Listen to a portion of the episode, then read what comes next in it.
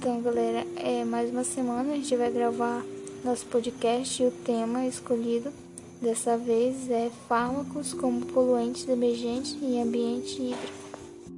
Não é novidade que a água é extremamente importante para o ser humano, ele necessita dela para realizar sua manutenção diária.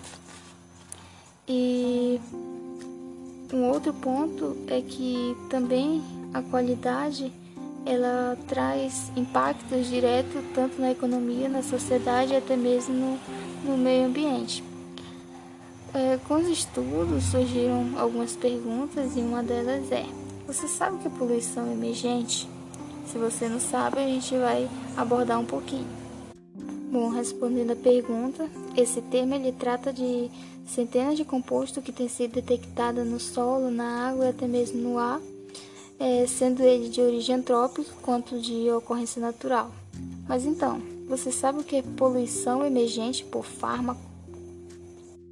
Os fármacos eles são considerados a classe de contaminante mais estudada, porque as pessoas elas têm uma grande facilidade de ter contato com esses remédios.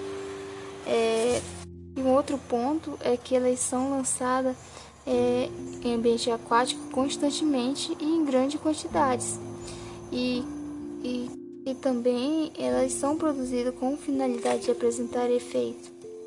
E esses, os fármacos estão incluídos todas as drogas consumidas com ou sem prescrição médica.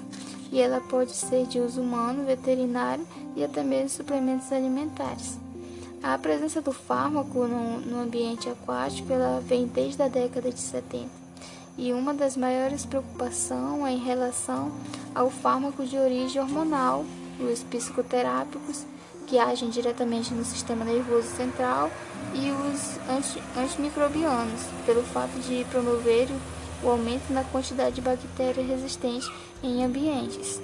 Isso é importante ressaltar que alguns estudos eles sugerem que que ocorre na saúde humana com envolvendo câncer de mama, de testículo e até mesmo a infertilidade, é, ocorre, pode estar relacionada com a exposição de poluentes emergentes.